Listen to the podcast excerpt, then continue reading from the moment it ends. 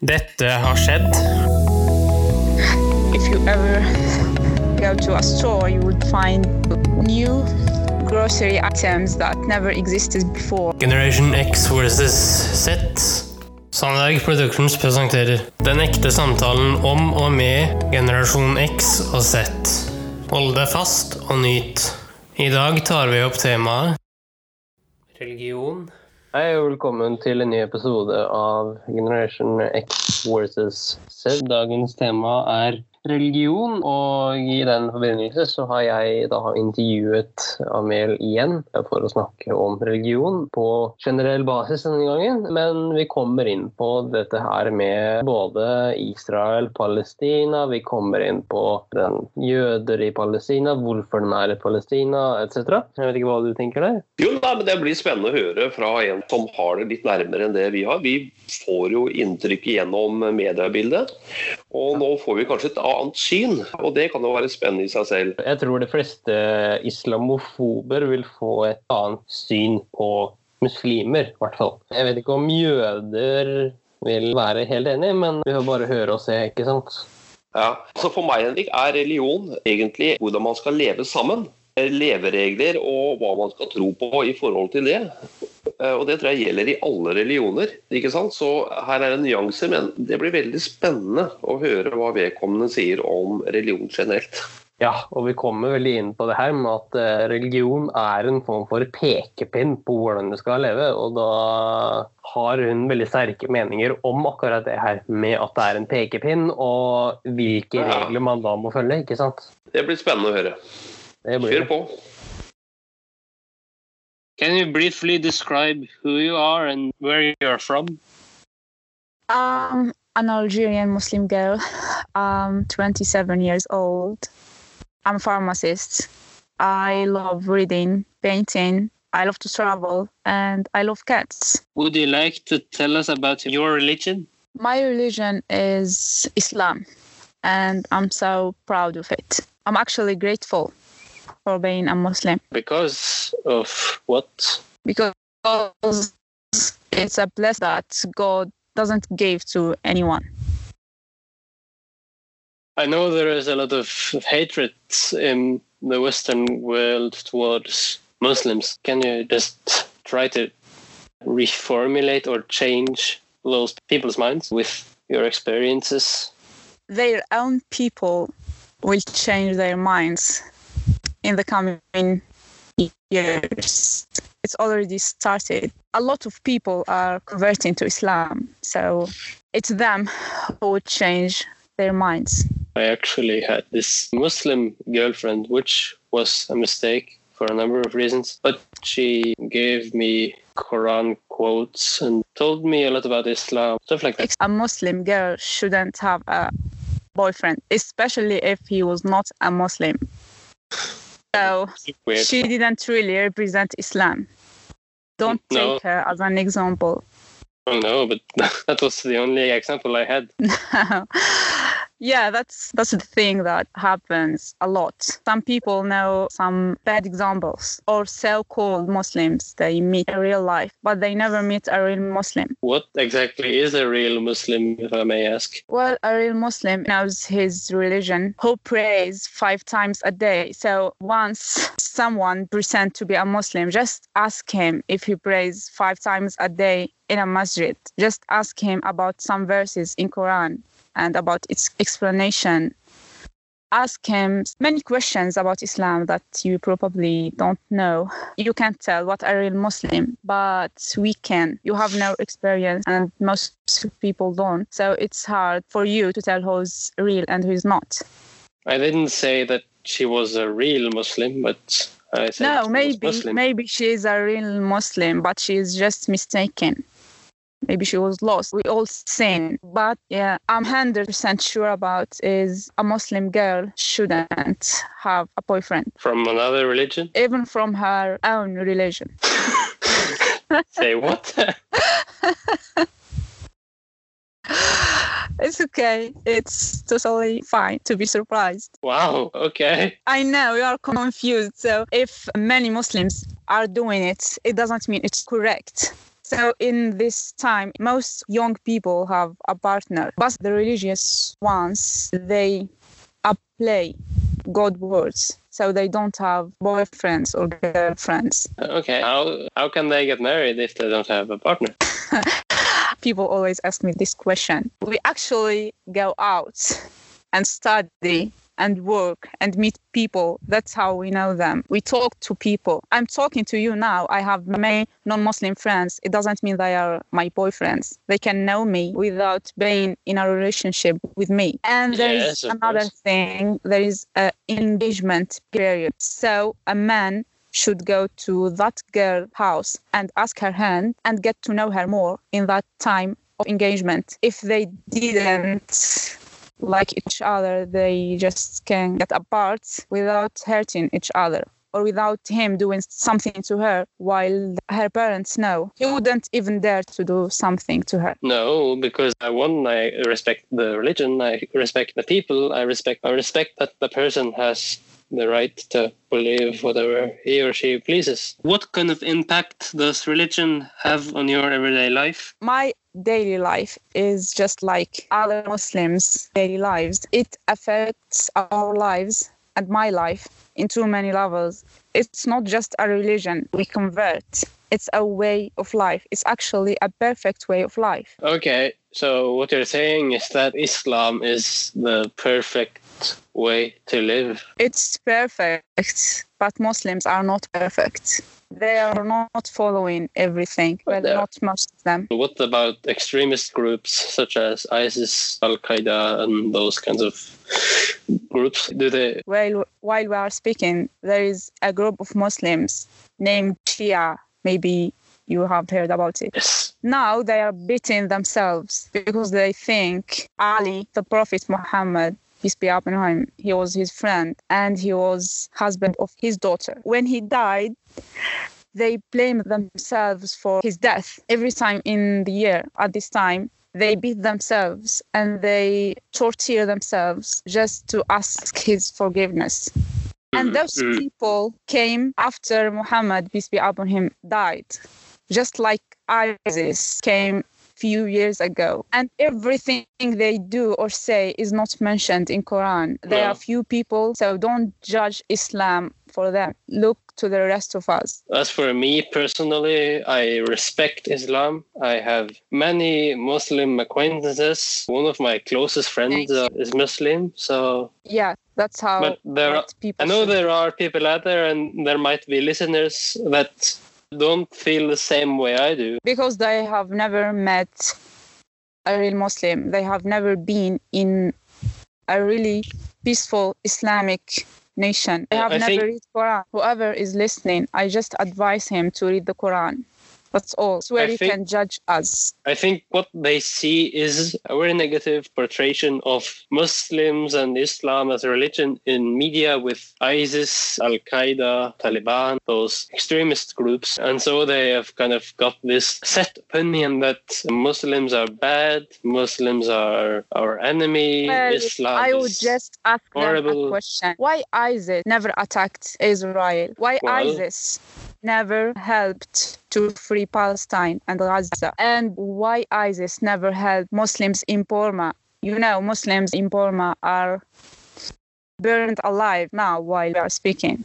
And Muslims of China, they didn't even allow them to fast in Ramadan. It's their human being rights. They have the Mhm. right to fast and pray. I know that in China, religion is prohibited. not as much as Islam, especially lately. China is a communist republic. Yeah, but as a human, I have a right to fast. It's my body. They can't just make me eat in public in the street. I have the right to pray, just like I have the right to work out.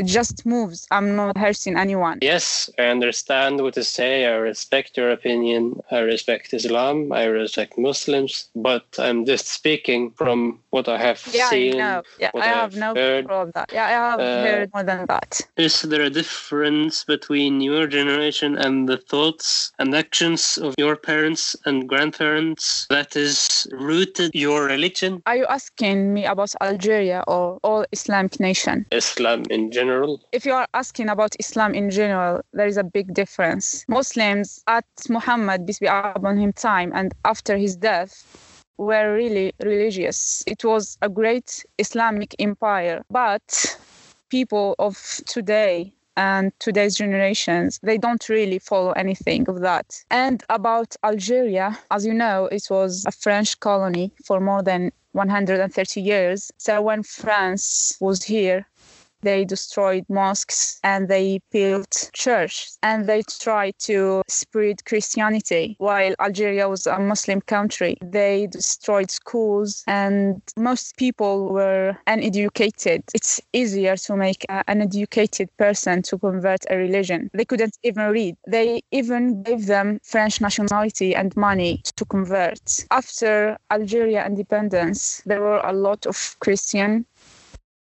and less Muslims, but they worked on that till today. Algeria is an Arabic Muslim country. There might be a symbolic meaning in the Algerian flag if what you're saying is correct. Yeah, of course. Like the star and Half moon. Yeah. yeah, that represents Islam. Yes, like the cross represents Christianity. uh, Yes. and the Star of David represents Judaism. Yeah. Can Muslims, Christians, and Jews live in harmony in Algeria? They lived in harmony uh, in Muhammad, peace be upon him, time. They can live now, but what's happening in Palestine now changed a lot of things.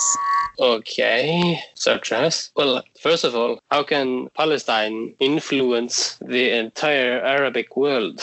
Do you know there's a holy place in Palestine? It's named Al Quds. It's our second Qibla. Qibla means direction that we pray to. Like we pray now, the- our direction is to Mecca. Our second direction is Al Aqsa in Al Quds. And it was once a free country. Not only Muslims are supporting Palestine, even non Muslims even some Christians and some Jews and many of non-Muslims. People know the history. Can you elaborate on account of the listeners? What you Elaborate. Yes, can you just explain a little bit more as to why you made that statement? Explain more about Palestine. Yes, how Palestine has influenced the Arabic world by not being peaceful. If France now come back to Algeria, and now Algeria is a free country, if France comes back, would you support us or support French people? Especially if you know that they make a lot of crimes every day and they kill us in our land. Well, if French commit crimes and kill in native Algerian land, then no, I wouldn't support France. Exactly. So just to has something he wants in Palestine would support Israel. Like we're going to talk about political stuff. Do you know why Jews are in Palestine and what's their future plans? Have you ever heard about Melody, the red cow? No. That's why most people, how can people see others without knowing their future plans? Jews, they are looking for a red cow to slaughter and burn it and take that, what do you call it? The thing we will find after burning something. The They take- ashes? I think so. I'm not sure. They want to take it to Al Aqsa Mosque. Next to that wall, they cry next to it.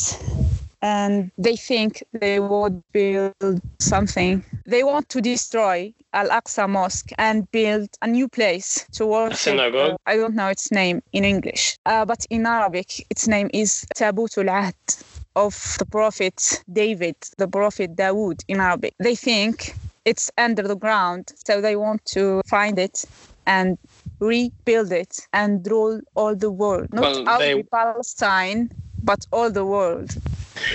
Uh, they want to destroy a mosque in Palestine in order to build Yes, a synagogue to rule the world. Yes, because they think they are the chosen people of God and they are the best of mankind. Jews? Really? Yes. Don't tell me you never heard about oh, it. No, I haven't. Here I am telling you. Good. Wow. That never occurred to me. Yeah. Why do you think Jews from other countries leave their countries and they go there and they say it's our land because our grand grand grandparents lived there. Can you believe this? No. I'm a Muslim. I can't just take my family and go to Mecca and say I have the right to live here because I'm Muslim. That's why they are doing. Okay, so they are doing something their ancestors did.